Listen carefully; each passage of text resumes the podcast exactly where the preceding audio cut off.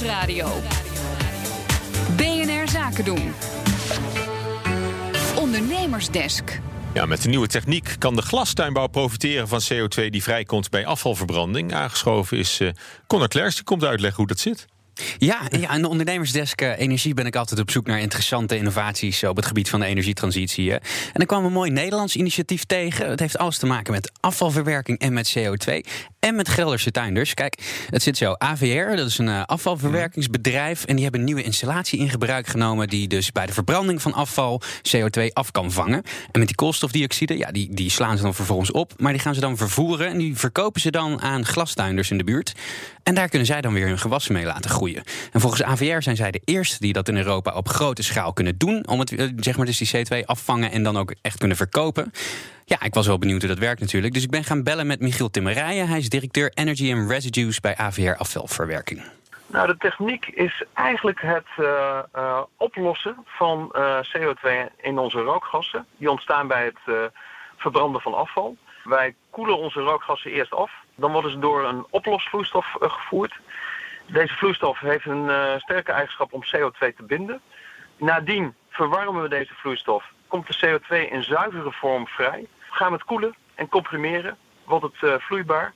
En is het uh, gereed uh, ja, voor opslag, maar ook gereed voor vervoer naar onze klanten toe. Ja, en dat gas gaat dus op transport naar de glastuinders. Ja, precies. Dat is op dit moment de afzetmarkt voor AVR. Want in die kassen daar hebben ze CO2 nodig. En nu halen ze dat op een minder duurzame manier binnen. Glastuinbouw gebruikt op dit moment CO2 van hun gasgestookte installaties. Willen ze gaan verduurzamen, dan zullen ze uh, externe CO2 uh, moeten gaan inkopen.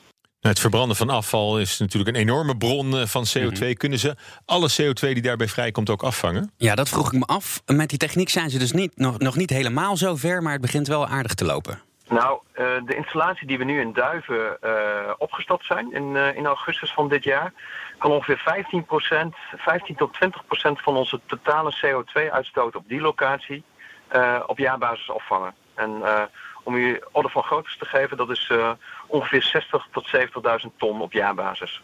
Ja, dan vraag je je wel af, hè, met die 15 tot 20 procent, 60 tot 70.000 ton op jaarbasis, is dat nou al rendabel? Of is dat meer een experiment, experiment om een beetje te laten zien wat er allemaal mogelijk is?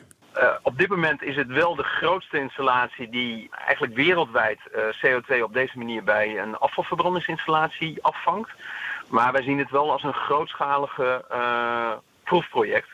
Omdat uh, als we het verder willen uitrollen, maar ook collega's van ons willen uitrollen, um, zal er toch wel een um, ja, omgeving moeten zijn om dit ook rendabel te kunnen.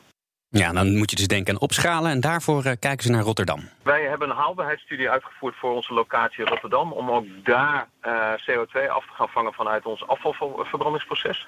En dan kijken we ook op een wat grotere schaal. Dan, dan moet u denken aan een installatie die tussen de 250 en 500.000 ton op jaarbasis kan afvangen. Maar wil dat uh, op een efficiënte manier en wil dat ook rendabel worden, uh, lees, uh, willen we de investering ook terug kunnen verdienen, zal er of een, een vorm van ondersteuning moeten komen, of in ieder geval een, een speelveld moeten komen dat we met de, het leveren van de CO2 ook een rendabele business case gaan krijgen.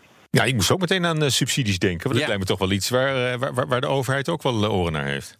Ja, die subsidies die zijn er nu nog niet. Ja, bij AVR zien ze dat natuurlijk wel zitten, dat die er komen. Maar volgens Michiel Timmerijen zou het ook voor andere bedrijven wel interessant kunnen zijn. Het, het kan van, uh, er zijn op dit moment staan er een aantal subsidieregelingen in, in de stijgers voor bijvoorbeeld CO2-afvang en opslag. Uh, je zou aan zo'nzelfde regeling kunnen denken voor CO2-levering richting de glastuinbouw. Met dat soort uh, stimulering zou je dit soort projecten ja, eigenlijk uh, los kunnen krijgen. En dat, dat geldt niet alleen voor, voor AVR, maar er zijn verschillende bedrijven die met dezelfde ideeën spelen. Um, ja, en wil je dit soort projecten rondkrijgen en wil je ook zekerheid er rondomheen hebben, ja, zijn dit soort maatregelen kunnen daar zeker behulpzaam in zijn.